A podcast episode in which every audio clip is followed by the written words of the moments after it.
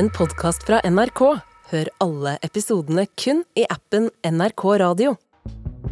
Hvordan etiske og moralske dilemmaer står man ovenfor i fengsel? Og hvordan skal man egentlig balansere det å forsvare sitt eget navn og ære, og det å være en lovlydig innsatt?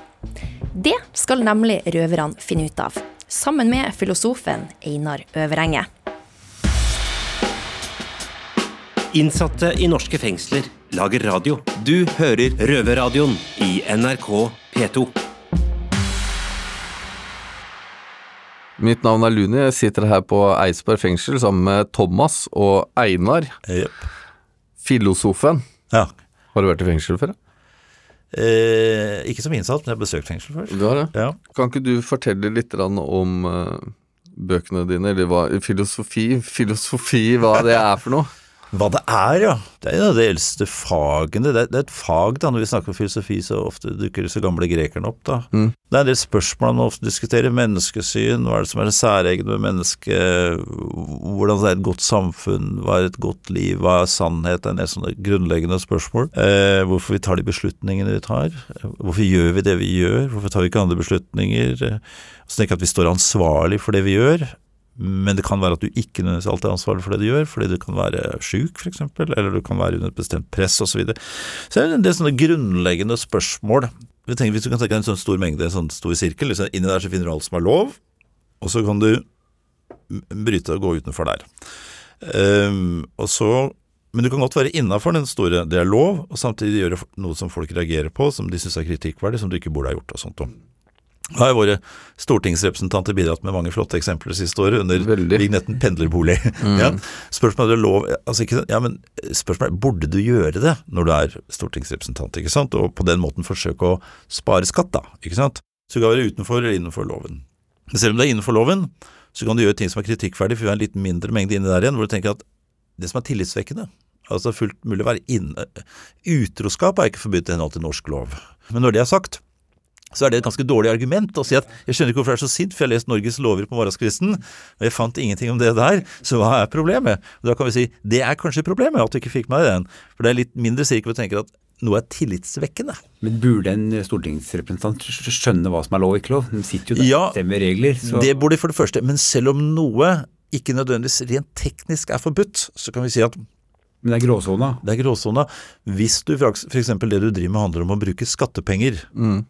og det gjør du jo i stor grad, så er det neste spørsmålet bør du selv aktivt forsøke å spare skatt? Altså ikke sant, å unngå å betale skatt, for det det handla om med pendlerboliger.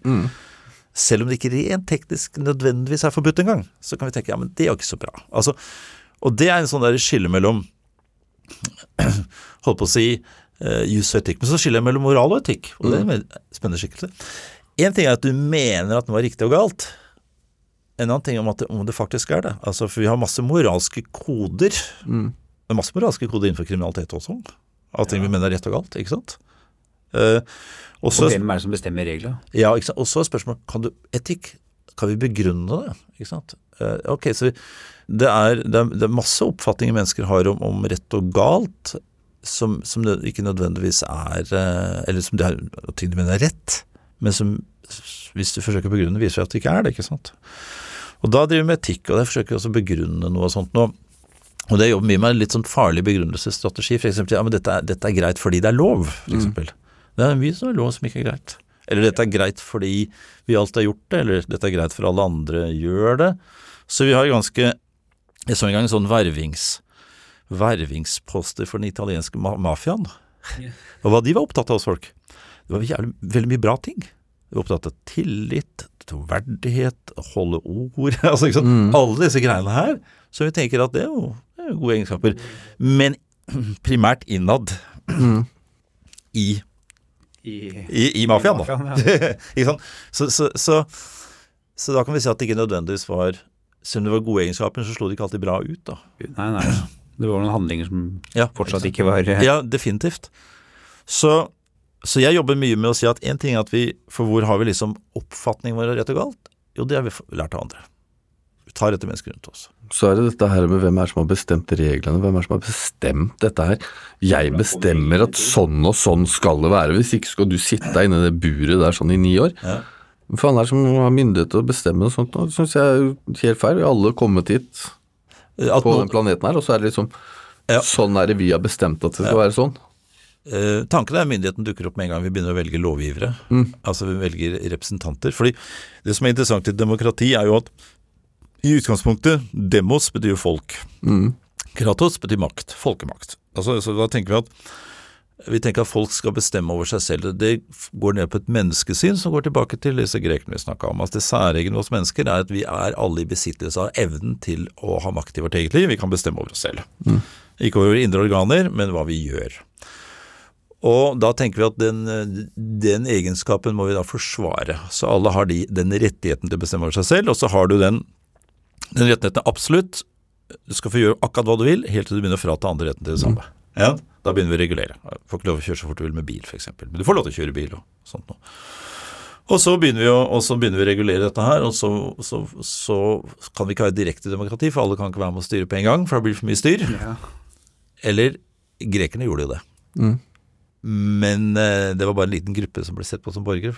Og slaveri var en forutsetning Ja, for demokrati. Ikke sant? Du måtte ha slaver. Så derfor fikk vi såkalt representativt system. At vi hvert fjerde år velger våre representanter, og da sier vi fra oss hver stemme, altså de tar vår stemme, og så begynner de å vedta lover. Og mange som mener at det kanskje ikke er det beste systemet som finnes, og da, da, da representerer jo på sett og vis det har en demokratisk system i den forstand at vi har stemt på dem, men så kan du jo si at føler de seg spesielt bundet av det når vi først har stemt på dem? Er de, er de ute etter å tjene våre interesser, eller vil det kunne utvikle seg en elite som er vel så interessert i å forsvare egne privilegier og egne interesser? Det ser du jo bare på, på, Putin. Det. Han er ikke inne, han er mest interessert i Ja, styre seg sjøl og være sjefen over hele landet. Det kan du godt si, men, men det er jo ikke et utpreget demokrati. Men selv i demokratier så kan man jo alltid stille seg spørsmålet er det, folk, er det folkeviljen som, eh, som representeres, eller har politikere egne karriereinteresser, egeninteresser de ønsker å forsvare, osv.? 100 spør du meg. Ja. Jeg tenker på han, han Erik Bye. Han sa jo noe fint en gang, Ja. eller flere ganger. Men han sa at politikerne er avhengig av det motsatte. Ikke sant? Som for eksempel Frp, da, som er mot innvandring. De er avhengig av at det er innvandring. Hvis ikke så har de ikke noe å kjempe mot. Ikke Av sant? saker. Som er alltid avhengig av Sånn som Høyre er avhengig av høye skatter for å kunne kjøre politikk. Ja, ja. Ikke sant? Så alle de partiene som Stemmer Er- for noe eller mot noe, Ja. de er avhengig De av. er avhengig av det de stemmer imot. Jeg syns dette er interessant. Også i de bøkene dine, sånn som når du kom med dilemmaer, sånn som dette her med hun, hun som jobba i en eh, bedrift, Ja. Og du må få beskjed om nedskjæringer, så kommer det en. Ikke sant? Du skal ikke ta opp dette her på møtet ennå. Så kommer det en og sier 'jeg sa nei til den jobben, Ja, eh, for jeg har lyst til å jobbe videre her', og han er en av dem som skal få sparken. Hva så sier står du i det dilemmaet, og hun som jobba på lege... ja. Men det, det første dilemmaet du nevnte her, det er, det er en reell sak. Ja, det sa jeg. Og det jeg gjør, jeg jobber mye med ledergrupper og, og, og, og, og ansatte i virksomheter og sånt noe, så det jeg gjør da, jeg presenterer det dilemmaet, ikke sant? Det kommer en til deg, du har sagt at du ikke skal si noe, det er en situasjon hvor du har fått informasjon om at det er en eh, nedbemanningsprosess langt der fremme, kan ikke si noe riktig ennå, vi, vi skal levere, vi, må, vi kan ikke ha det i organisasjonen, og så, og så eh, blir vi enige om det, og så går hun ut på gangen, ikke sant, og så møter hun en medarbeider som sier at eh, hei, du, jeg har lyst til å bare nevne for deg, men jeg har fått et tilbud, men jeg har bestemt meg for å si nei til, for jeg trives så godt her hos oss, og hun tenker til stille sin, ja, men du havner antageligvis i den gruppa som må gå, men jeg har valgt å, sammen med ni andre, og hva gjør du da? Da har du et dilemma, det vil si du er i en situasjon der du må ta et valg, for det gjør ingenting etter valgene dine, men uansett hva du velger, så blir det gærent for noen. Ikke sant? Eh, og så, hva, hva gjør du da? Og det er en eh, helt reell situasjon, og ofte så tar jeg ledergrupper ut på gulvet. Sier at ok, så nå står vi på gulvet, og mellom dere så tenker jeg at det er en strek. Og de av dere som velger å si noe, dere går til den ene sida. De som frykter å ikke si noe, går til den andre sida. Altså, de må ikke bare mene det, de må flytte kroppen sin. Ja, ja. De må liksom ja, Bevege seg et sted, ta en posisjon. Og så sier jeg at dere får ikke lov til å drive og se på hverandre. Og en, gang så gjorde jeg noe liksom administrerende direktør var med. Ikke sant? Så tenkte jeg at nå, nå må dere lukke øya. Omtrent. Dere får ikke lov å se på hverandre. Det er fort gjort å se hva han, han gjør, ikke sant. Og så plasserte seg, og så havna administrerende direktør omtrent alene på den ene sida. og da er vi over på hva gjør du i sånne situasjoner? Og det er jo klart, hva gjør du i sånne valgsituasjoner der du må ta et valg, og det har konsekvenser, uh, uansett hva du gjør?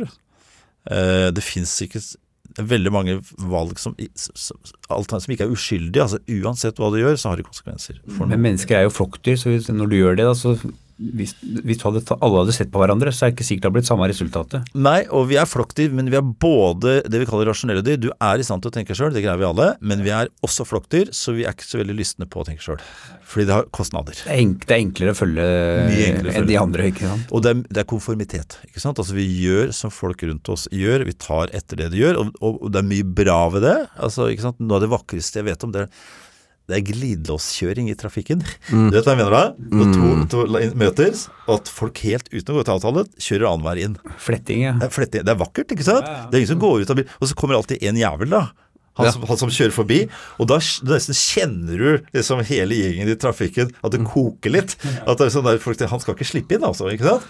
Da er det bare å kjøre på. Ja, altså, så, så det er mye bra ved å ta etter omgivelsene, men det er mye dårlig ved det.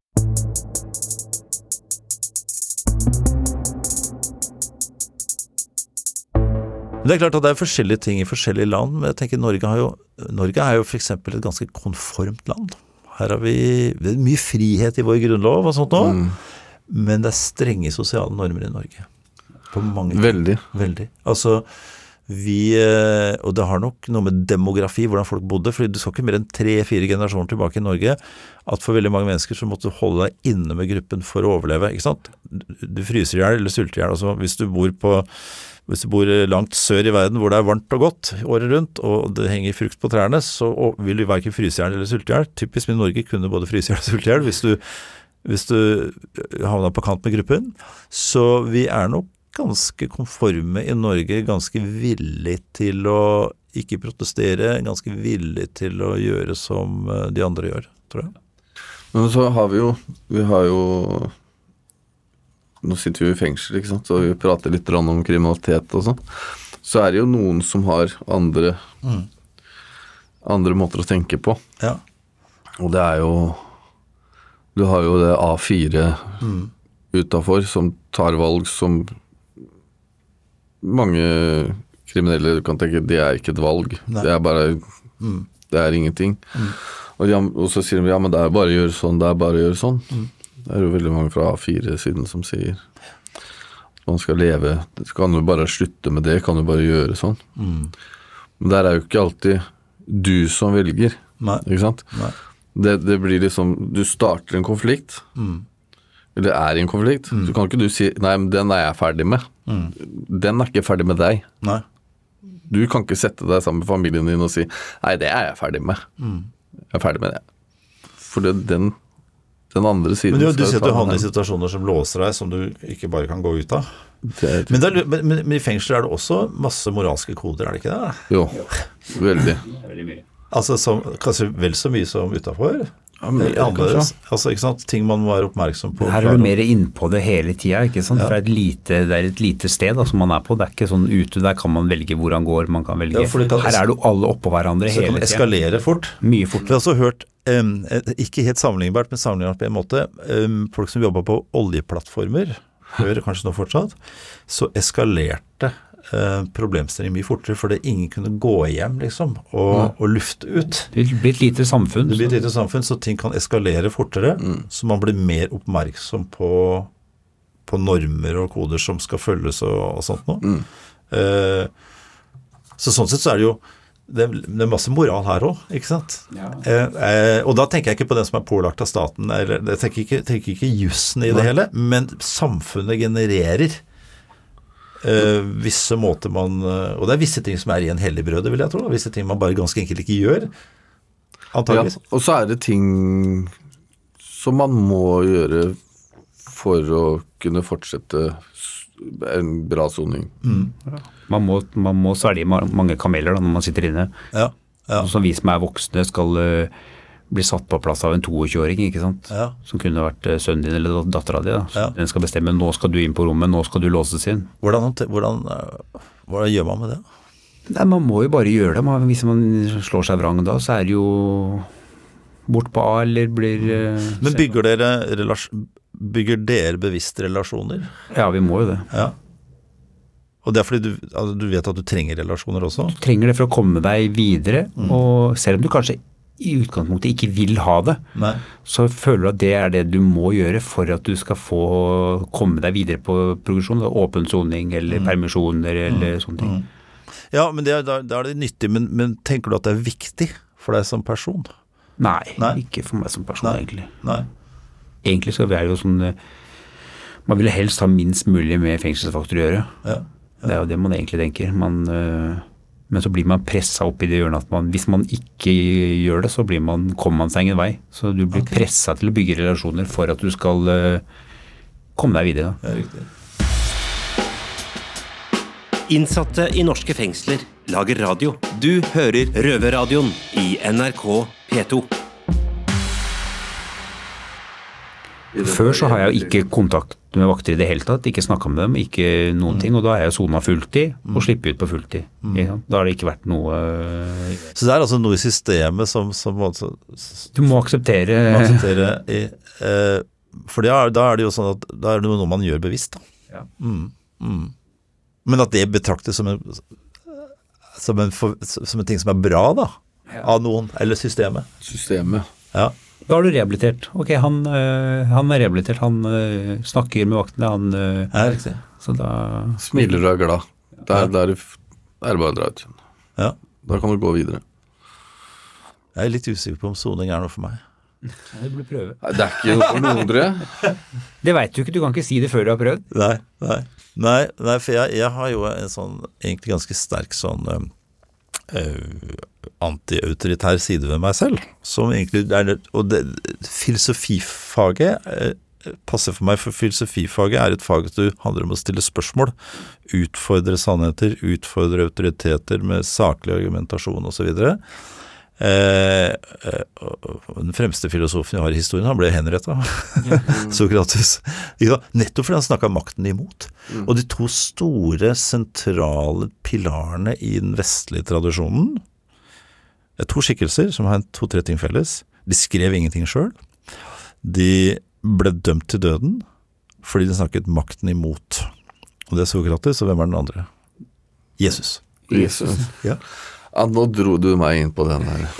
Nei, det, det, det, jeg er kristen, men det vil ikke du her. Så, men rent idehistorisk. Ja. Poenget, som skikkelse For jeg er ikke helt sikker på om Jesus hadde hatt noe spesielt lyst til å være medlem av den norske statskirken. Altså. Det er et helt annet spørsmål. ikke sant? Men som person, altså den, det den skikkelsen representerer, er ganske interessant sånn. For han, han, eh, han ble jo henretta. Han snakket jo makten imot, ikke sant. Han, eh, han utfordret masse normer. Han, han, han omgikkes jo mennesker som man ikke skulle omgås, ikke sant, osv. Eh, Sokrates hadde noe av det samme. ganske spennende, De er to ganske antiautoritære skikkelser. Ikke sant? Eh, så begge, begge ble jo i prinsippet satt inn. Men det er sånn som nå, vi også, vi, hvis vi sier imot, så blir vi også straffa. Ikke sant? Så, så vi, nå, I helga, da, men vi skal låses inn halv fem på kvelden. Halv fem, du skal gå på rommet ditt. Ja. Du skal være der til dagen etterpå. Ja. Det er jo ingen som tenker at det er greit, av oss som sitter her. Nei. Men uh, hvis vi sier noe mot det, så er det jo bare, blir det bare sendt videre. Men liksom halv fem, det er jo faen meg før barne-TV, ikke sant. Ja, ja. Vi rekker det i hvert fall.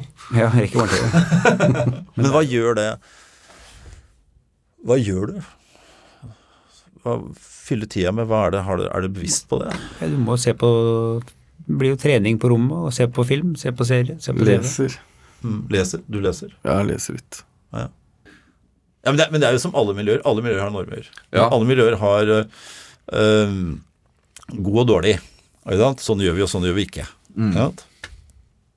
Uansett hvor du Stortinget har det, MC-miljøer har det. ikke sant? Altså, mm.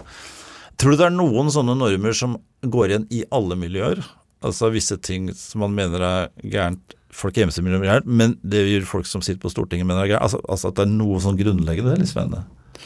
Ja, det tror jeg man eh, Det er jo regler om at man skal, man skal behandle mennesker bra. Det er, jo, det er jo ingen regler om at man skal behandle folk, folk dårlig. Man skal jo ikke Respektere. respektere mennesker, ja. Det er jo mange som kommer inn i et MC-miljø eh, som ikke har ting på stell, og som ikke er eh, Så er du med en periode, så begynner du med å re opp senga, begynner å vaske opp, hvis du skjønner hva jeg mener. At det blir satt litt sånn krav til deg, da. Er det litt sånn militæret? Altså at det, ja, det, er, det er noen sånne at du skal ha ting på Nei stell? Nei? det er ikke sånn, men det, du skjønner sjøl at det, lønner seg å re opp senga og, og lære seg å vaske opp. Ja. Og kle seg ordentlig og oppføre seg som folk. Eh, Lojalitet? Spør ikke, kun utfør. Har du blitt enig om noe, så står du for det. Ok, altså. Så det er lojalitet. Lojalitet. Snakker vi om fengsel eller MC-miljø, da? Begge deler. Begge deler. Ja. Men, men du kan være uenig? Ja, men man blir enig. Ja, men når man har blitt enig, da er det ikke noen kamp. Nei, da er det sånn det er. For norsk offentlighet ellers, skjønner du det som er typisk for Norge, det er at en, vi begynner først å diskutere etter at vi har blitt enige. Ja. Da begynner folk da, Politisk, da. Da begynner, mens en del andre land så diskuterer man veldig mye, og så, og så blir man enig. Og det er da man begynner omkampen i Norge. Vi er litt sånn omkampsnasjon da. Men ikke MC-miljøet. Nei.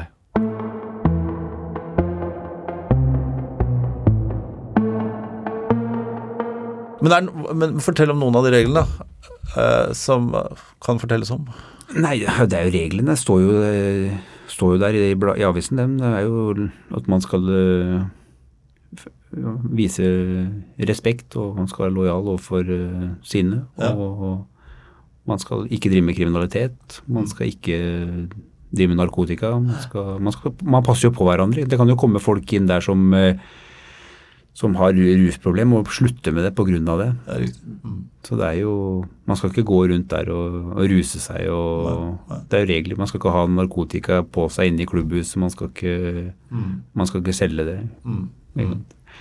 Det er jo Hva du gjør på privaten, er på privaten, men ikke blande Blande inn klubben i det. det, riktig. Hvis man har et valg her i fengselet, hvis man kommer i en konflikt, Ja. så, så veit du at det er det riktige valget. Som gir deg uh, ingen problemer, eller vil føre deg lenger videre framover. Men så har du et valg som du må ta pga. din ære og ditt navn. Ikke sant? Og da er det sånn Og det vil ha konsekvenser negativt. Det vil ha konsekvenser negativt. Ja. Hva tenker du om det hvis, uh, hvis jeg kommer i en konflikt, uh, som jeg gjorde her om dagen? da? Og da måtte jeg jo ta, i, ta et valg, og da tok jeg valg som jeg egentlig ikke ville ta. Ikke sant? Jeg blei forbanna og klikka, og det skjønte jeg at det, det burde jeg ikke gjøre, for det er kamera, det, er, det, vil gi meg problemer. Men så har du det at du, du som en person, hvis du ikke gjør det, så vil alle andre se på deg. Hva er det han driver med, liksom? Hvorfor tar ikke han igjen? Hvorfor står han bare der? Han blir snakka dritt om, og så gjør han ingenting med det. Det er et problem her i fengselet da, ikke? Som, eh, som oppstår veldig mye. Og du veit sjøl at det, den veien du tar, det er feil vei. Men du må det på grunn av eh, ære, og du skal Ja, eller, ja, eller på grunn av ja. det, det er, altså, du, Man står jo for noe sånt nå. Så er jo ett problemstilling til i fengsel, vil jeg tro, er at i en del andre situasjoner så kunne du med tatt gått et annet sted. Altså, du kunne ha unwinded, altså, på, altså ikke sant? Unngått det. Du Unngått, du kunne, her kan du ikke, for å gå Nei. ut i lufta etterpå, Nei, du nei, ser en samme Ja, person. ikke sant? Altså, du, så du har den muligheten til å være mer sånn øh, klok og smart i, utenfor, for du kan ta en annen vei. ikke sant? Du kan gjøre sånt noe. Nei, altså, ok, det er den strategisk kloke tingen å gjøre. Og så har vi den, og vel for de fleste mennesker, tror jeg, kommer kanskje et punkt i en eller annen situasjon hvor du sier at ja, men øh, nå, nå må jeg. Du har sikkert kommet opp i sånne situasjoner sjøl, der du har tenkt at uh, Jo, selvfølgelig, alle mennesker gjør det. ja, her, her burde jeg ta den veien, Ja. men uh, for min del så må jeg ta den kampen. Men vi vil jo på sett og vis noen ganger også at mennesker i sånne situasjoner ikke alltid bare tenker hva som lønner seg for meg. Altså, dette, er- for eksempel vi snakker om en whistleblowing, varsling eksempel, i arbeidslivet. Ok, varsling lønner seg ikke for deg. Varsling er ødelegger karrieren din, mest sannsynlig. Du, du ødelegger Men du burde kanskje hvis du ser noe du burde varsle. ja, ja. Men så velger mange å, å svelge det i seg og ikke gjøre noe med det. Ikke sant? Og det er ikke bra. Men det er litt av det samme type dilemma. Så ser dere, og de som varsler, det er eh, Stort sett så er ikke det et godt karrieretrekk ja, å gjøre det, men noen mennesker kommer til et punkt og sier ja, men dette kan jeg ikke være med på lenger. Men hvis det plutselig blir varsla en sak mot den personen, da, ja. da kan det plutselig komme mange å hoppe på. Når først varselet har kommet, og de ser at ok, her får vi ikke noen konsekvenser, så plutselig så baller det jo på Det seg. kan med- være, eller, eller nettopp det stikk motsatte som skjer. Eh, Det var en fyr som fortalte at jeg varsla, og det var en fyr som sa til meg at du kommer til å oppleve følgende situasjon da, at du kommer i en kano opp Glomma, og mot deg kommer det et hangarskip. det er litt av den feelingen der. Ja. Altså konformiteten, den kjenner du på. Så det at du kan havne i en situasjon der du må stå mellom hva er, hva er lurt av meg å gjøre nå, hva er strategisk av meg å gjøre nå, og hva tenker jeg at det er for å Hva kan jeg stå for, ikke sant? Og, og det er jo en forståelig menneskelig ting, og det er den evige greia mellom å være strategisk og lur og smart, og, og det å føle at man kan se seg i speilet, liksom. Ja, der, der kommer problemet inn. Da må du noen ganger gå en vei som du egentlig ikke du, Eller du skjønner at her, den burde jeg egentlig Og noen ganger så må vi svelge kameler, liksom. Det er nesten umulig å komme seg gjennom livet. uten det. Ja, ja, det er sånn. Og sånn er det jo. Og her i fengselet så blir det veldig Det er et lite, et lite hus, ikke sant. Mm. Alle er inne i det huset. Du ser alle hele tida. Mm. Du, du, du svelger mange, mange kameler hele tida, det må du, ikke sant. Mm. Men til slutt så kommer du til det punktet at eh, den her kan jeg ikke svelge. Mm. Her må jeg, her må jeg ta en handling. Ikke sant? Men eh, nå må vi runde av. Runa, det har vært hyggelig. Veldig hyggelig. Veldig hyggelig å ha besøk av deg. Ja, hyggelig å være der. Masse kunnskap. Tusen hjertelig takk, eh, Takk Einar. for eh, besøket. Takk for å få være her. Ja, ja. Adios! Du hørte Luni og Thomas i Eidsberg fengsel snakke med filosof Einar Øverenge. Og Røverradioen er tilbake allerede neste uke, på fredag klokka 14.00 på NRK P2. Eller på podkast når og hvor du vil. Røverradioen er laga for og av innsatte i norske fengsel. Tilrettelagt for streitinger av Klynge for NRK. Og redaktør i NRK er Ole Jan Larsen. Du har hørt en podkast fra NRK. Hør alle episodene kun i appen NRK Radio.